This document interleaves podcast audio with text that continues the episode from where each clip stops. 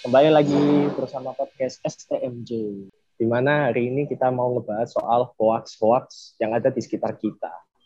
Hoax-hoax itu kadang ada yang lucu, kadang ada yang ngeselin, ada yang bikin resah. Nah, hoax sendiri itu artinya berita bohong. Berita bohong itu banyak banget macamnya. Dan yang paling mudah ditemui itu di grup WA keluarga. Hmm. Biasanya itu kalau kita mau ngebantah, kita takut. Karena itu keluarga. Dan yang ngirim itu orang tua, paman, tante. Dan itu yang kadang-kadang bikin kita itu kalau mau ngebantah, tapi nanti mereka pasti bakal lawan dengan kamu itu nggak tahu apa-apa karena kamu masih muda. Nah, mungkin teman-teman ada pengalaman nih atau pernah nemu berita hoax yang lucu-lucu mungkin share-share info-info hoax. Monggo. Biasanya itu berita-berita hoax itu sering kali tersebar di Facebook. Di situ biasanya itu kadang ada juga yang nge-share berita kayak artis atau siapa gitu yang meninggal. Tapi itu hoax gitu loh. Ada yang pernah tahu nggak? Ya, kayak kasusnya Tahu tahu tahu. Tahu. ini tahu. sih istrinya Pasha Ungu kemarin. Kemarin juga kasusnya ini sih, uya kuya. Masa orang sakit di rumah sakit karena COVID dikira meninggal. Iya. Yang istrinya Pasha itu sampai klarifikasi juga kan di Instagram gitu. Mm-mm. Parah Sih Bill. Iko. Bill, nanya dong. Itu hoaxnya itu hoax eh, beneran bohong atau hoax-hoax ala-ala clickbait gitu? Hoax yang beneran hoax. Jadi Ah, eh, pihaknya itu sampai klarifikasi gitu loh. Kok bisa? Kok bisa ada yang buat berita kayak gini gitu. Padahal dia sehat-sehat aja. Kan wow gitu. bener sih. Cuma, nah ini juga ada juga kan hoax yang clickbait. Biasanya berita-berita itu. Itu ngeselin banget itu sumpah. Biasanya ditulis Saipul Jamil telah meninggal karena kecelakaan. Contohnya ya. Ternyata Saipul Jamilnya bukan Saipul Jamil pedangdut. Tapi Saipul Jamil mas-mas friend AC. Kan ngeselin. Cuma buat narik clickbait gitu. Narik traffic aja tapi ya itu kadang-kadang mangkelin juga gitu apalagi kalau yang baca orang-orang tua yang cuma baca judulnya aja Iya, iya. Ya banyak kalau gitu kayak menggiring pengiring opini juga. Kadang Hmm. itu cuma nama Kalau depannya yang- aja gitu loh. Padahal orang lain kayak nama depan artis gitu ya. Tapi isinya itu beritanya orang lain gitu loh. Biasanya gitu clickbaitnya.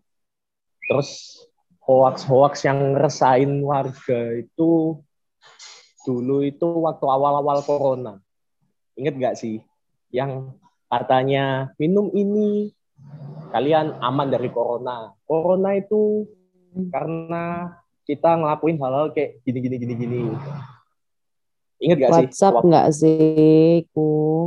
Banyak banget sih itu sing awal-awal Banyak itu. banget. Sing jual eh, apa namanya? Yang jual obat-obat herbal juga kan.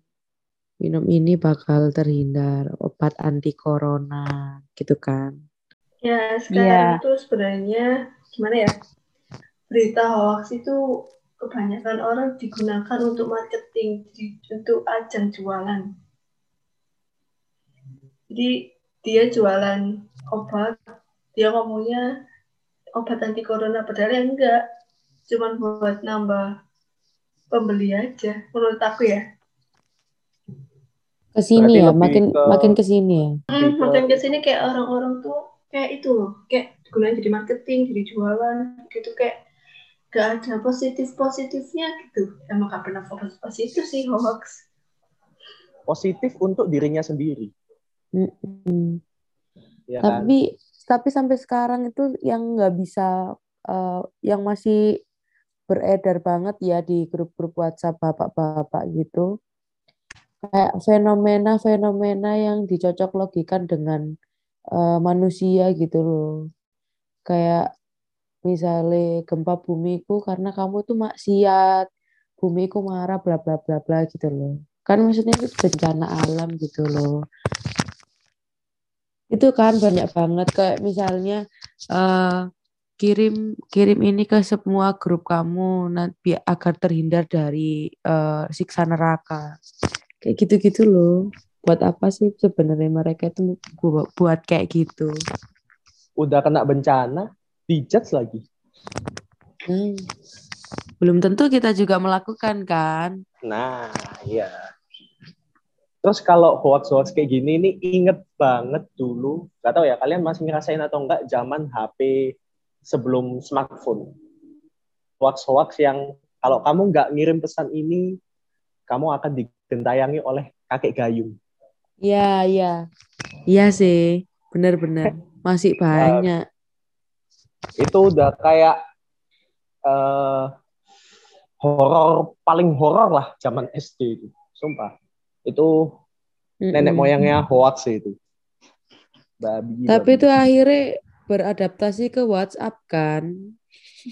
nggak tahu aku. Aku WhatsApp udah nggak pernah nemu kayak gituan sih. Iya, kayak biasanya tuh di WhatsApp ibu-ibu gitu loh. Kayak apa mengatasnamakan dakwah. Wah, ayo kirim ke kok- 30 teman Anda bla bla bla bla gitu. Biasanya Kok gitu. mami tahu, mam? Soalnya aku pernah lihat Mami kok tahu, mam? Soalnya aku pernah lihat di grup WhatsApp mamaku gitu loh, WhatsApp keluarga sama Oh, tak kira teman-temannya kamu udah gitu. mami-mami, mam. Loh, Nggak mami lah ikut ibu-ibu PKK ta. Enggak, aku kok enggak suka wale hal-hal kayak gitu. Malah apa ya? Banyak hoax di mana-mana gitu loh, ngerumpi yang tidak tidak penting lah. Mending ngerumpi Nisa Sabian ngono gak apa-apa. Tapi diri sing diri dirumpi ibu-ibu itu tonggo sebelah. Iku-iku ya apa? Ngono gak gak seberapa menarik gitu loh di kehidupanku. Jadi sebenarnya gosip itu termasuk hoax nggak sih? Bisa jadi Bisa iya, bisa jadi enggak. Karena gosip itu kan koyo eh 50-50 gitu loh.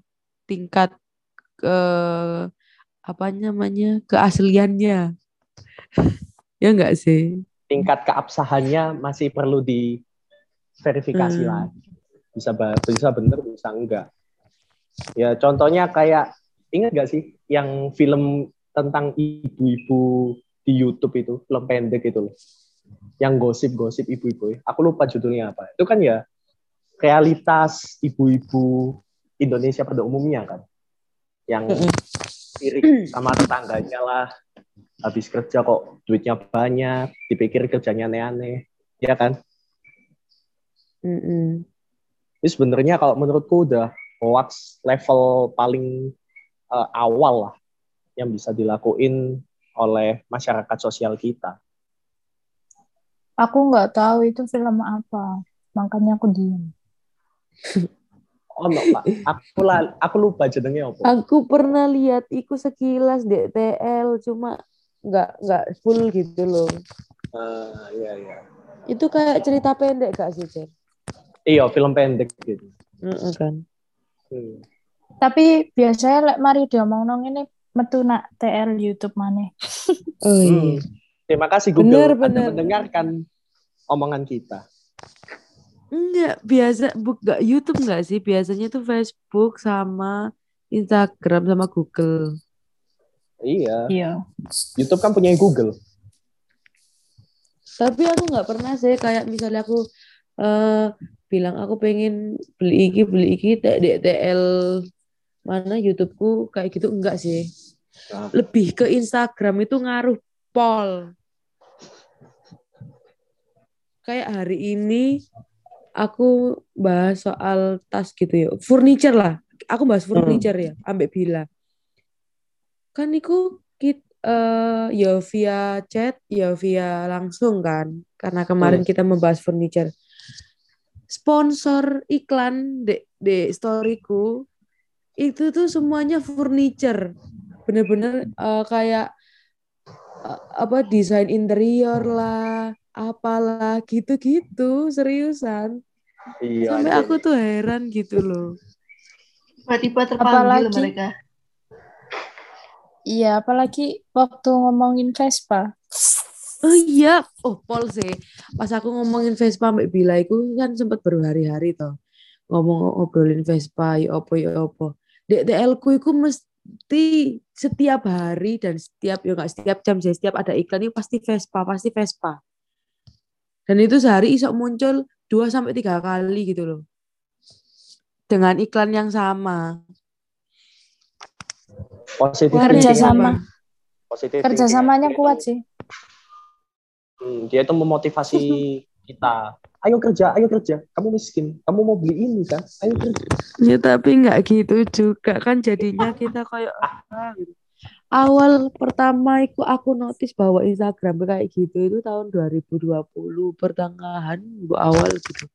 Kayak bener-bener oh ya nggak 2020 deng 2019 akhir gitu loh mau 2020 kok setiap aku eh, ngomongin apa tiba-tiba kok muncul ya gitu. Terus itu sering-sering-sering walah Sumpah kaget. Aku kan nggak pernah buka Facebook, jadi nggak nggak seberapa pengaruh tuh. Tapi Instagram itu bener-bener kaget. Loh, kok iki sing tak mau? Apalagi pas iki kita cari magang tuh. Nah, eh, aku tuh cari eh yang kayak kerajinan keramik-keramik gitu loh. Dan semua iklanku itu bener-bener keramik, kerajinan keramik eh, yang sing buat cangkir, sing buat apa, sing buat apa gitu. tuh. Suangar. Gitu nek mak-mak sing gosip gitu, engkau Facebook ads apa ya? Masuk sing iklan-iklan dijual teman ngono. Ya enggak sih. Oke, let's move on. Kembali bersama podcast STMJ. Lanjut kembali ke hoax. Oh iya, pengaruh hoax itu banyak banget ya. Yo, Kayak bener-bener berdampak. Gonjang-ganjing satu negara, Pak. Mm-mm. Apalagi iki kasusnya iki ngerti nggak? Audrey. Ah, iya aku kate ngomong iku. iku sumpah.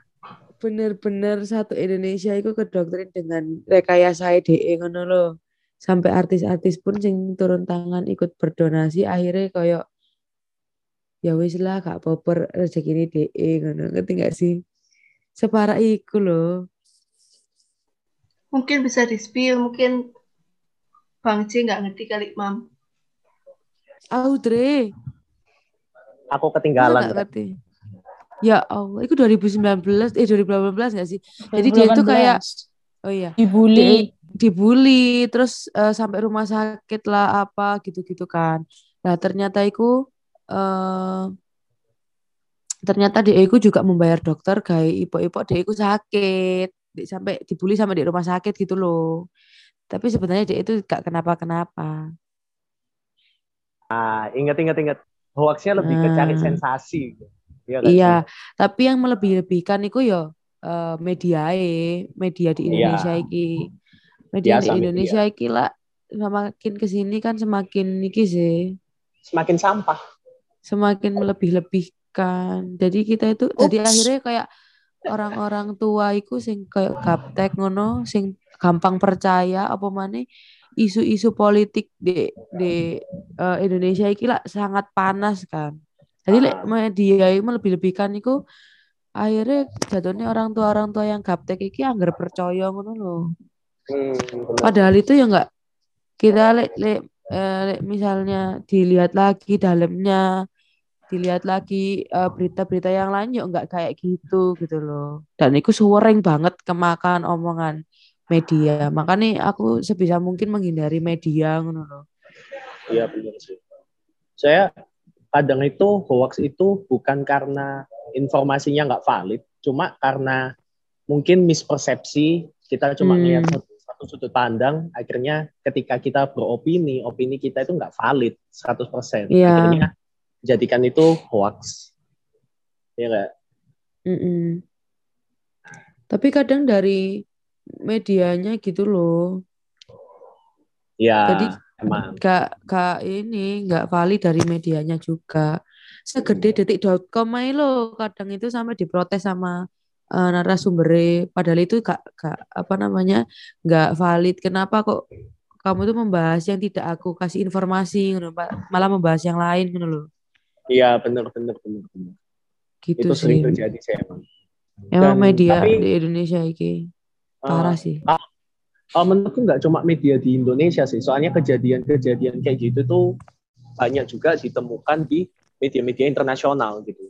Ketika narasumbernya ngomong apa, penulisnya eh, punya eh, persepsi yang mungkin nggak nggak sinkron ya, jadinya akhirnya dia nulisnya itu agak berbeda dari apa yang ingin disampaikan oleh narasumber tersebut dan akhirnya itu jadi mispersepsi gitu.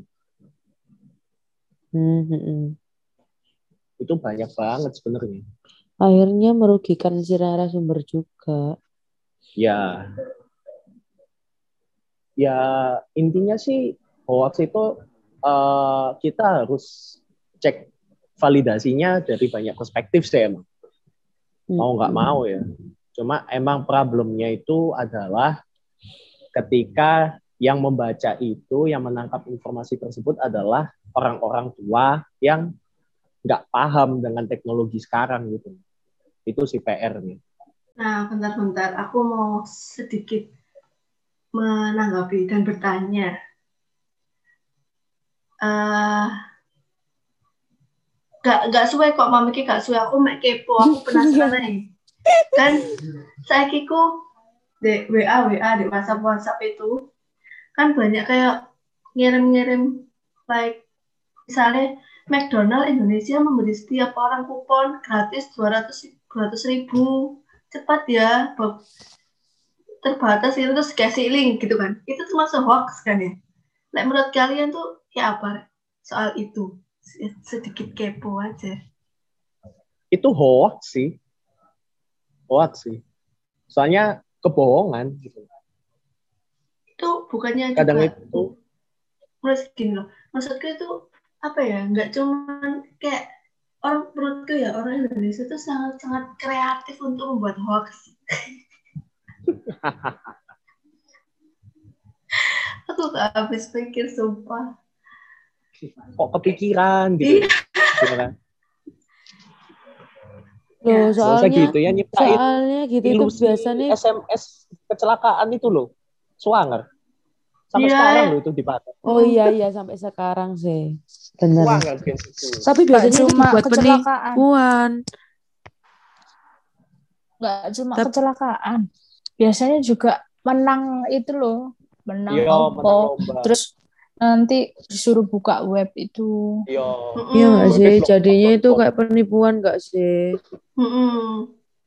iya penipuan itu. Terus eh, kita nggak pakai nomor simpati menangnya simpati. Bego sih. Nah iya benar-benar. Santai dong. Kan ini eksplisit awak jadi gimana Jer menurut kamu Waduh, kalau menurutku sih ya segimanapun pemerintah kita bikin UU ITE, terus eh, banyak lagi anak-anak muda yang bikin web untuk cari kebenaran berita kan sekarang banyak banget. Cuma emang kit- itu harus dimulai dari kita gitu loh. Kita yang harus cari dulu validasinya yang benar gimana, perspektifnya dibanyakin sampai kita benar-benar bisa nemu eh, satu poin yang oke ini valid dan layak untuk aku sebarin gitu loh. Selama itu positif ya. Menurutku kayak gitu sih. hmm Bagaimana yang lainnya? ya begitulah ya apa mana kita hidup wis banyak banyak gonjang ganjing sing Loh, akhirnya Curhat. enggak ya maksudnya akhirnya berita berita bodong dan berita eh, bener itu eh, susah untuk dibedakan ngono lho. pada akhirnya. Orang yang berita benar, ada yang berita benar tapi kayak, kayak judulnya itu clickbait. Jatuhnya kayak apa sih iki ngono. Tanpa orang itu membaca isinya, ya kan? Padahal isinya itu benar. Paham gak sih? Paham. Ada sih akhirnya berita berita apa berita salah hoax gitu dengan judul yang eh, iki sisan eh, mempengaruhi sisan gitu loh. Jadi ya wis merugikan sekali sih. Apalagi bapak-bapak dan ibu-ibu WhatsApp yang gaptek. Lagi pokoknya kita tetap harus te- pinter-pinter memilih. Lek ada berita yang sekiranya tidak penting di kehidupanmu, mending nggak usah dibaca daripada kena hoax. Panjang umur buat yang bikin hoax Saiful Jamil, ternyata Saiful Jamil mas-mas freon kecelakaan. Panjang umur. Oke teman-teman, sampai di sini dulu ya podcast kita Yoi. mengenai hoax ini.